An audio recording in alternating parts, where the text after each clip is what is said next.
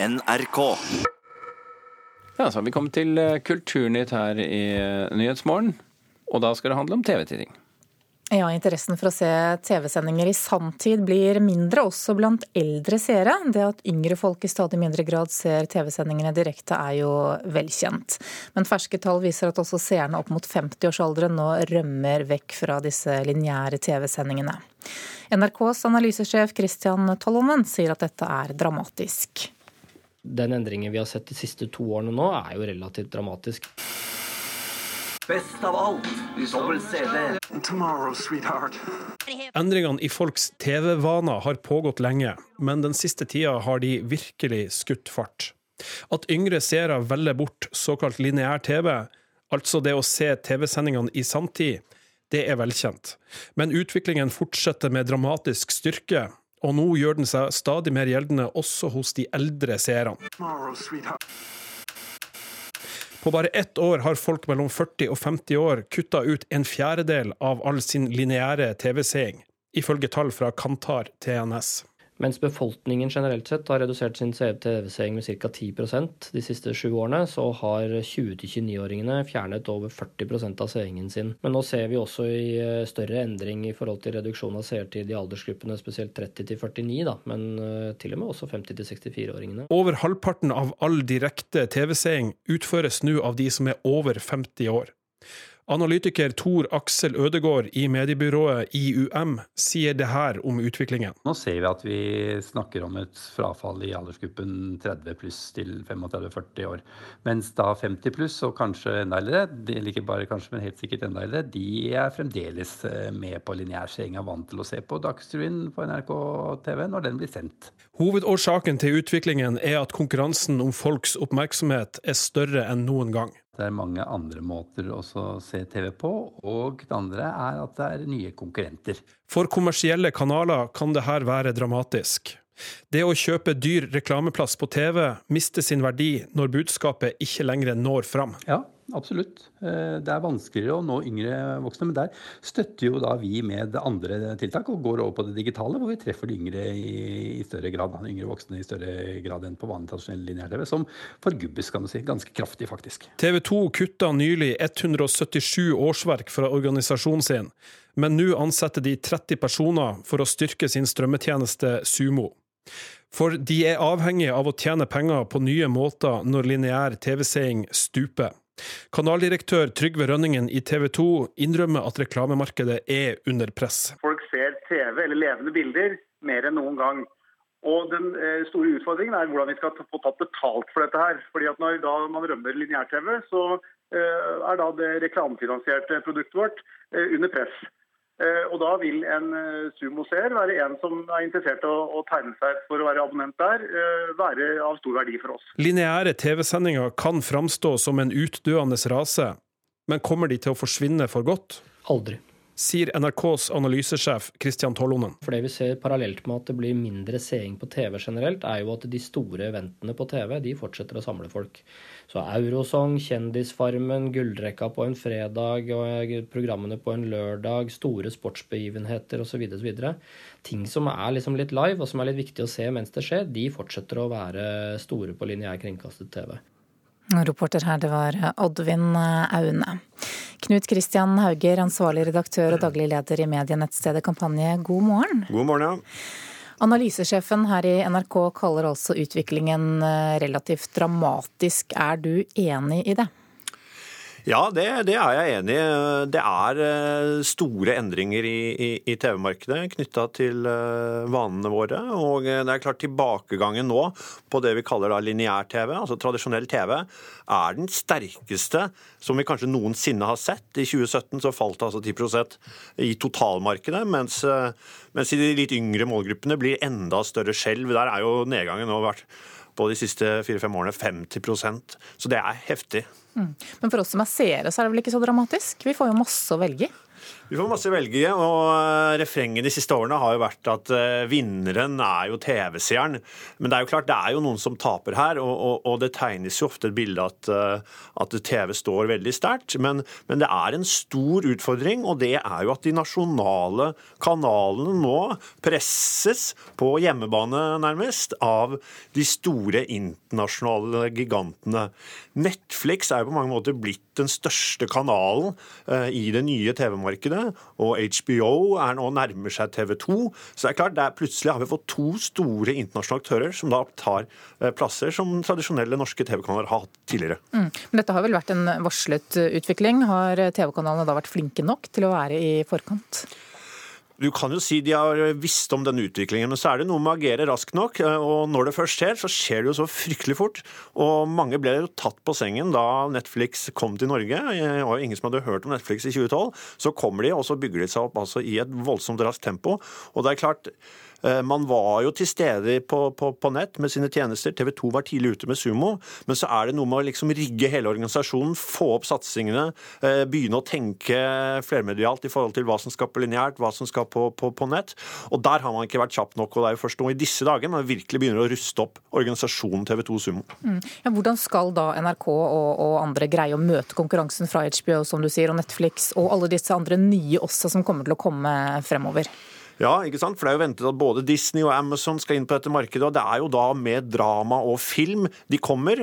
Og det er klart, i den kampen der så, så møter man større lommebøker. Eh, The Crown kostet 1,2 milliarder. En bra norsk dramaserie koster 70-80 millioner. Så det er jo klart det er store forskjeller her. Men allikevel, lokalt innhold, eh, lokale dramaproduksjoner har vist seg å fange interessen til de norske TV-seerne. Så jeg tror det er der de må legge, legge kruttet. Mm, så er det vel også sånn at de som er 60 år f.eks. i dag, de skal jo se på eh, TV i mange år til.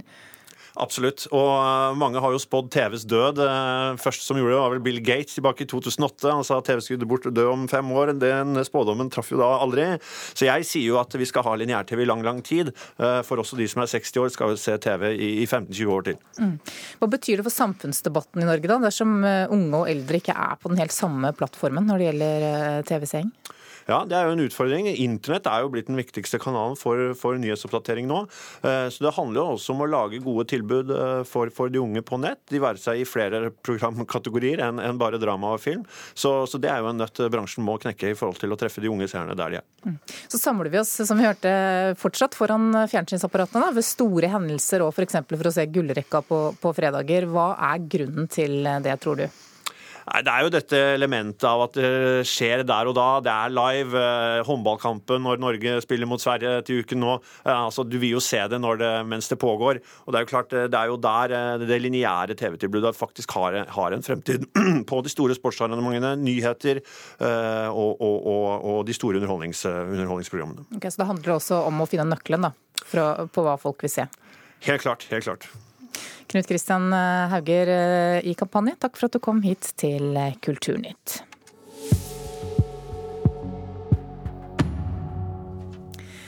I natt ble det nok en gang delt ut heder og ære i Hollywood, og reporter Caroline Tolfsen, hva slags priser er det snakk om?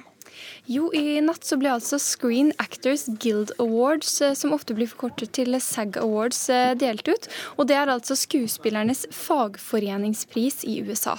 Og den har siden oppstart i 1995 blitt veldig viktig i den amerikanske film- og TV-verden. Det er fagforeningen, altså Screen Actors Guild, eh, som deler ut prisen på vegne av medlemmene. Og du må fortelle oss hvem ble nattens store vinnere? Ja, eh, CNN skriver i morgentimene om Nicole Kidman. Hun vant altså prisen for beste kvinnelige hovedrolle i en fjernsyns- eller miniserie for sin rolle i Big Little Lies. Og denne serien vant også stort under Golden Globe tidligere i januar. I serien så spiller Kidman en mor som blir mishandlet av ektemannen. Og skuespiller Sterling Brown fikk pris for beste mannlige skuespiller i drama. Han ble den første afroamerikanske skuespilleren til å motta denne prisen. Filmen Three Billboards Outside Ebbing, Missouri fikk også priser. Frances McDormand vant prisen for beste kvinnelige filmskuespiller for sin rolle i denne filmen. Mm. Noe av det avisene er opptatt av i dag, det er at uh, TV-produksjonsselskapet Rubicon, som har gått med underskudd i flere år nå, har flere ansatte der, fått tilbud om sluttpakke. Uh, veldig kort, hvem er det dette dreier seg om? Jo, Dagens Næringsliv skriver i dag at Pål Kruke Kristiansen slutter som administrerende direktør i selskapet. Rubicon er en del av selskapet Endemol Shine, og Norden-sjef eh, Karin Stjerne sier til Dagens Næringsliv at de ikke vil kommentere hvor mange det dreier seg om. Takk skal du ha, Karoline Tolvsen. Atle Antonsen debuterte som skuespiller på Nationaltheatrets hovedscene på lørdag. Han spiller rollen som Bill Loman i Arthur Millers klassiker 'En handelsreisendes eh, død'. Og vi skal høre litt av det her. Ben, Ben. Se på Biff. Se på Biff. Selv om han ikke eier nåla i veggen, så er det tre universiteter som trygler om å få ned på laget. Og siden så er det jo ingen grense for hvor langt han kan nå. For det er ikke det man gjør som Teleben, Det er forbindelsene. Forbindelsene. For her kan jo en mann ende opp med store rikdommer bare fordi han er godt likt. Mm, ja, Vi hørte også Atle Antonsen. Karen Frøsland Nystøyl, teaterkritiker her i NRK. Du var på premieren i helgen. Den har fått eh, mye oppmerksomhet i forkant. Var dette en vellykket eh, debut? Ja, det var en helt grei debut. Altså, altså, Atle Antonsen klarte seg helt greit, men jeg syns det var en for stor oppgave å ha i en teaterdebut, eh, sånn i det store og det hele. Eh, det, rollen som Willy Loman krever en uttrykksvariasjon, eh, og jeg syns at Atle Antonsen har et enn så lenge et begrensa register i forhold til å ha en bærende rolle på en hovedscene. Jeg må tro at karakteren kan le, kan gråte. Den behøver ikke å gjøre det, men jeg må tro at karakteren har det i seg. Og sånn er det ikke her. Det mangler dybde. I replikker, i spill og i uttrykk, egentlig. Så jeg syns det er litt brutalt gjort mot Atle Antonsen å gi han denne oppgaven som den aller første. For dette er jo altså et av etterkrigstidens store drama. Fortell kort hva det handler om. Det handler om den amerikanske drømmen, om en selger som lever på en livsløgn om at han gjør karriere og gjør det bra, og at alt kommer til å bli så fantastisk etter hvert. Eh, han har sønner som han ønsker skal overta oppgaven for seg og gjøre det stort. Så går hele familien til grunne. Det er ganske Ibsen-inspirert, dette her og det er et viktig stykke i amerikansk dramatikk.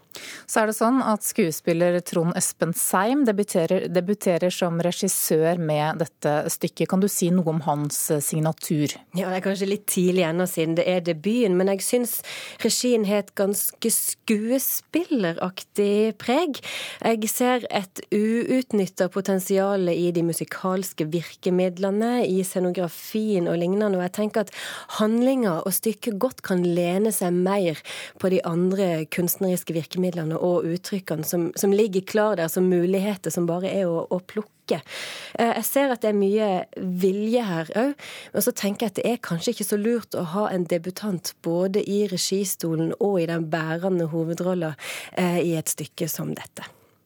Allerede før premieren så var det altså solgt 12 000 billetter til denne forestillingen. Mm. Hva kan publikum som da har kjøpt billett, glede seg til?